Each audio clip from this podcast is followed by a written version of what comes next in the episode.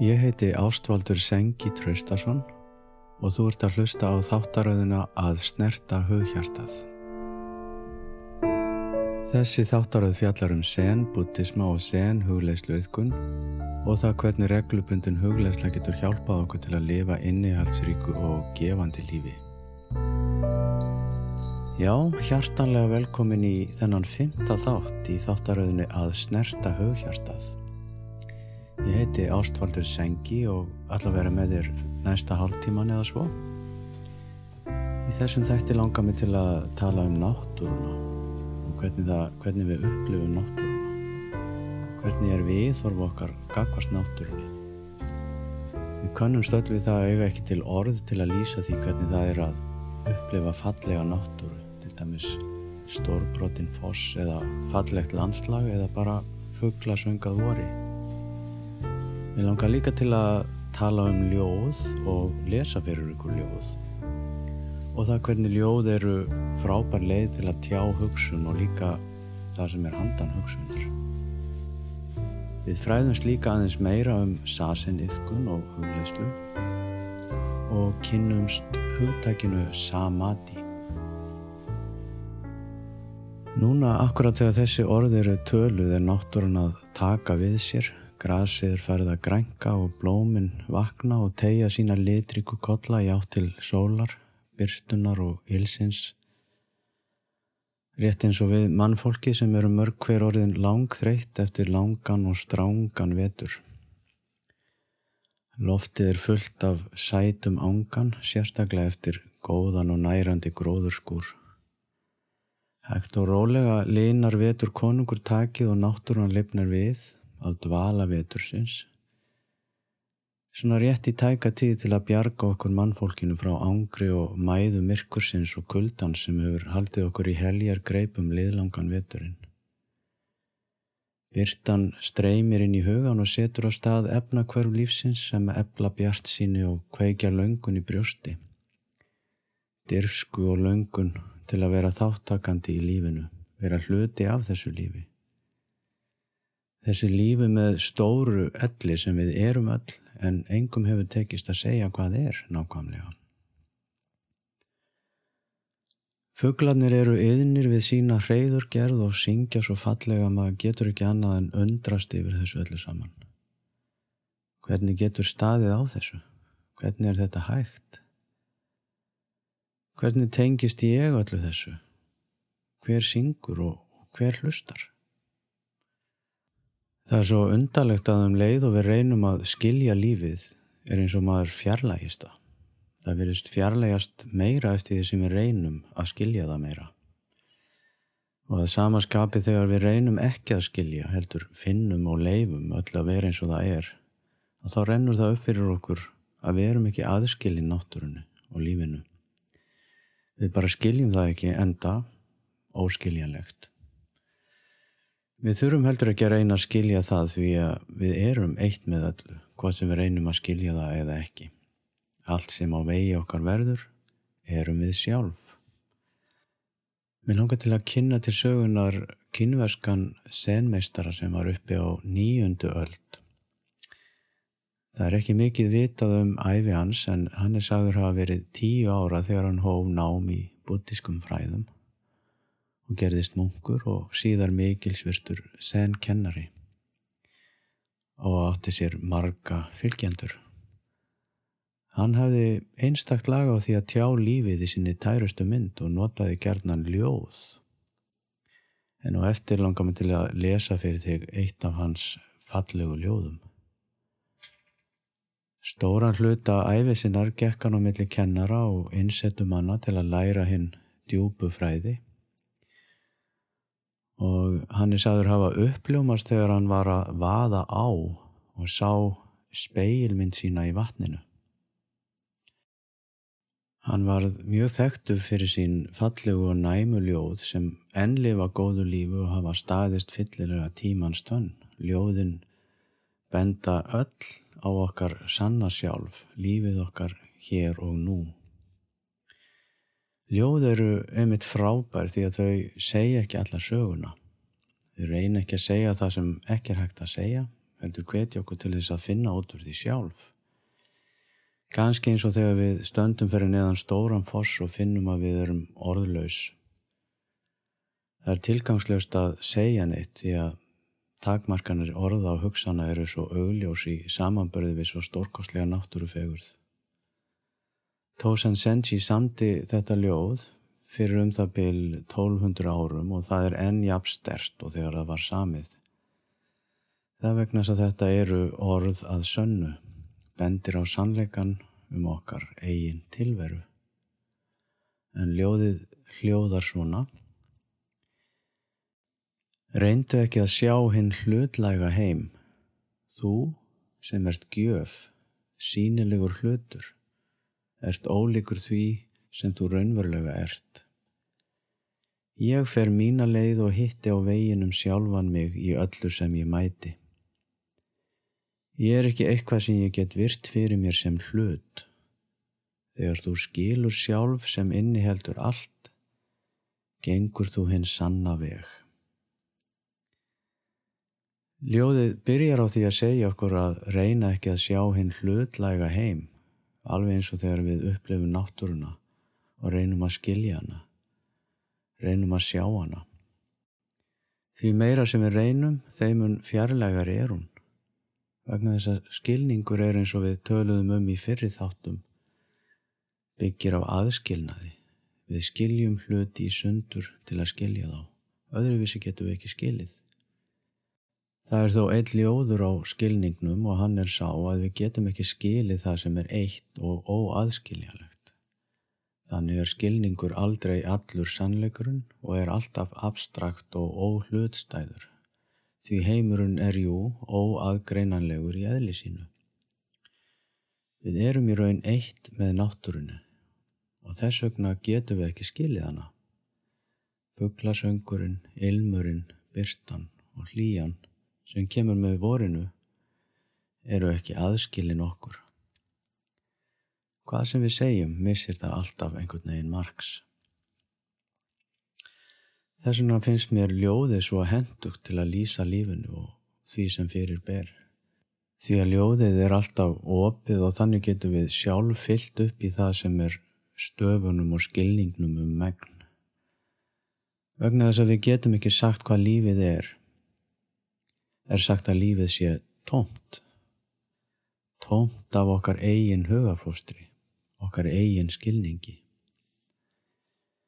En þrátt fyrir það að þá eru við afstæð líka eins og ég sagði og talaði um í síðasta þætti, heimurinn er bæði afstæður og algildur á sama tíma.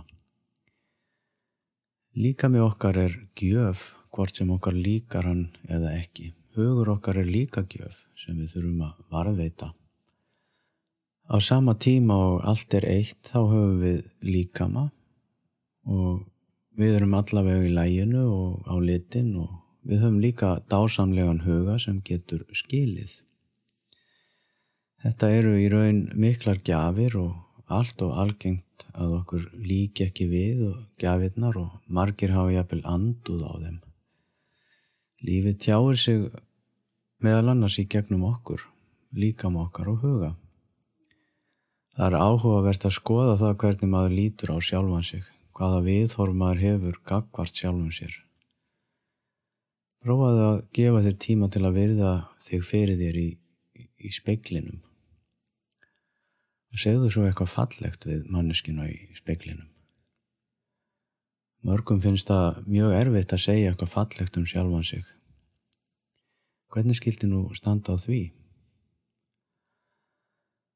Allt of oft berum við þungar byrðar í gegnum lífið án þess að skilja það og jafnvel án þess að taka eftir því. Og þegar við vogum okkur að kíkja í bakpokan og þá sjáum við að þar kennir ímis að grasa. Sjálfskakrinni, einmannalegi erfiðar minningar skömm, reyði og margt, margt fleira sem að felur sig þar það sem felur sig í bakpokanum stjórnar í raun lífinu okkar við gefum því líf með því að veita því aðtikli og trúa því að það sé satt sem þar leynist Þetta eru hugsanaminnstrin okkar, hinn þjáningafullu hugsana og vanaminstur. En sannleikurinn er sá að þau hafa ekkert vald nema það vald sem við gefum þeim. Við, va við valdeflum vanaminstrin með því að vera ómeðvituð og erum þannig þrælar hins ómeðvitaða. Og þegar skilningur okkar fer handan skilnings, þá lærum við að meta lífið okkar og undrast yfir hverju því sem á vegi okkar verður gleðjast yfir dásendum lífsins og sjá fegurðuna í ljótleikanum.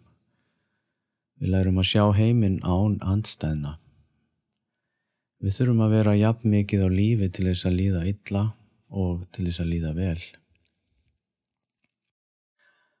Allt það sem við upplifum, sjáum, finnum, allt sem við mætum á lífsleiðinu, erum við sjálf. Gjöfin sem okkur er gefin. Hvort sem við hlægjum eða grátum, er spurningin svo sama. Hver hlær? Hver grætur? Að sjá okkur sjálf eingöngum sem sínilegan hlut aðgreindan frá öllu öðru er í raun miskilningur sem að skapar mikla þjáningu. Hvernig getur við fundið ilmin á vorinu ef við værum ekki sjálf partur af því? Einu sinni tók ég þátt í sjö daga sessin á Sonoma Mountain Zen Center í Kaliforníu. En sessin eru, það eru intensífir hugleislu dagar þar sem að yðkað er frá því snemma á morgnan og, og langt fram á kvöld. Og sess, orðið sessin þýðir einmitt að snerta hughjartað eins og þessi þáttaröð sem þú ert að hlusta á. Við vorum nokkuð mörg sem að tókum þátt í þessum hugleislu dögum og meðal þessum við gerum fyrir utan að hugleiða og, og borða og, og allt það sem við þurfum að gera alla jafna er að við eigum persónlegan fund með kennarunum, honum Rósi, þar sem hann prófar skilning okkar handan skilnings. Og ég, verandi tónlistamæður, Ég hafði sérstaka aðtikli og næmni fyrir hljóðum hvers konar. Hljóðum í umhverfinu eins og fugglasöng og hljóðin í vindinum og rygningunu og líka hljóðin í, í bjöllunni sem var slegin á milli hugleislu lota. Og þegar ég spurði Rósi í einu af þessum viðtöl, persónulegu viðtölum þá spurði ég hann að því hvernig, hvernig það gæti verið að ég væri bjölluhljómur að bjölluhljómur væri hluti af mér. Hvernig getur staðið á því? Hvernig get ég verið eitt með bjölluhljómnum og þá sagði hann hvernig getur hljóð byrst ef það er ekki þegar til staðar og það var einhvern veginn eins og hugmyndi mínar fjallu frá og allt opnaðist upp á gátt og ég sá það svo skýrt að allt er hér. Ekkert er hölið jápil þó svo að það hafi ekki hlut gerst hinn fullkomni sköpunkraftur allt er hér, allt getur gerst Þegar ákveðnir þættir koma saman í tíma og rúmi, raun gerist eitthvað. Þegar slegillin er notaður á bjölluna, heyrist bjöllu hljómur. Allt var þegar til staðar til þess að bjöllu hljómurinn hljómaði. Hljóðið er til staðar í sleglinum og í bjöllunni og í raun öllu sem er því að það er raunverulega allur alheimurinn sem kemur saman á þessari stundu og myndar bjöllu hljóm. Þannig raun gerist allur heimurinn á hverju augnabliki í algjörum samruna hins algild á hins afstæða.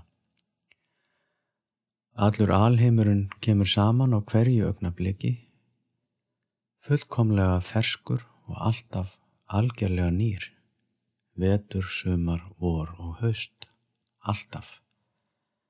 Þetta er gjöfin okkar, mín og þín og það er svo sannanlega til þess vinnandi að læra að meta hana til fulls. Þannig höldum við lífsins leið ég fer mína leið og hitti fyrir mig sjálfan mig í öllu sem mætir mér. Þú fer þína leið og hittir fyrir þig sjálfa í öllu sem mætir þér.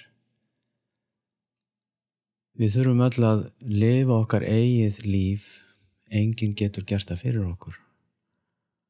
Á þann hátt má segja að við fæðumst ein og deyjum ein, því veruleiki hvers og eins er einstakur en um leið algildur. Tosan Senji sá sína eigin speilmynd í vatnunu þegar hann var að vaða ána. Það var hans uppljómun og vöknun.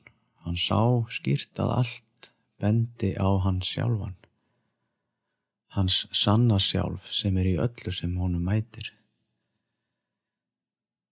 Þetta heitir að sjá skýrt, að sjá djúft, snerta lífið djúblega, skilningur, handan skilnings, prasna, paramita, hinn djúpa handan viska. Og þannig getum við séð okkur sjálf í náttúrunni, sólsetrinu, fugglasöngnum og líka í frostinu og kuldanum og myrkrinu. Ég held að við skinnjum þetta öll og við höfum í raun oft upplifað þetta. Við horfum á sólsetrið og skindilega erum við eitt með því. Ekkert að segja. Við fyllumst ljúfsári tilfinningu yfir þessari miklu og ósnertanlegu fegurð. Ef við bara vissum djúblega að sólsetrið er ekkert annað en við sjálf og ef við, er, ef við erum kyrr og hljóð sjáum við þar okkar eigin speilmynd, rétt eins og Tosan Sensi sá í vatninu. Þá er óþarfi að segja neitt því allt er þegar hér, ekkert er hulið. Þegar við upplifum þessa djúbu tilfinningu vitum við ekki hvað við eigum að gera við hana eða hvernig við eigum að bregðast við. En í sasen eru við opinn fyrir því sem við skiljum kvorkin í að vitum og þjálfum okkur í því að vera ekki endalist að fálma eftir lífunu sem er nákvæmlega hér í okkur, í okkur sjálfum, í sólsetrinu, fugglasöngnum, öllu sem mætir okkur. Af hverju að tegja sig eftir einhverju sem er nákvæmlega hér og nú? Tosan Sensi segir í ljóðinu Ég er ekki eitthvað sem ég get virt fyrir mér sem hlut. Þegar þú skilur sjálf sem inniheldur allt, gengur þú hins sanna veg. Í samruna, samruna hins afstæðahugar og hins algilda er allt lifandi, sprettur upp hér og nú, óskup eðlilega. Í þessum fullkomna samruna getum við lagt frá okkur bakbókan með þungu byrðunum og gengið veginn óhindrað. Ég myndist á það í fyrirköplum að eftir því sem okkur gengur betur að setja sasen og við förum að treysta betur og róast, þá gerist það óskup eðlilega að við erum lengur og lengur í andartakinu án þess að hugsa, án þess að aðgrein okkur frá því. Ekki af því að við erum að reyna að hugsa ekki, heldur af því við erum orðin rólegri og meira tilbúin til að vera hér og nú án þess að dæma. Við erum tilbúin til að sleppa. Það er nöðsynlegt að vita að ein stök hugsun sem kemur og fer er ekki hugsun. En þegar hugsun rekur aðra hugsun, að þá erum við farin að hugsa.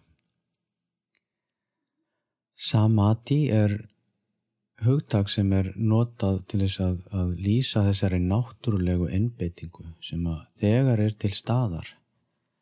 Ekki einbeiting eins og svo sem við notum þegar við erum að þjálfa okkur í einhverju eða þetta er ekki einbeiting sem að við þjálfum upp úr engu með því að setja sasin.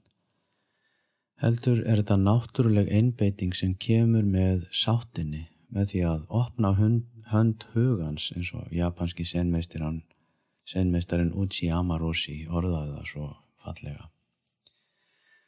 Þá sitjum við með hverju sem er og ekkert trublar.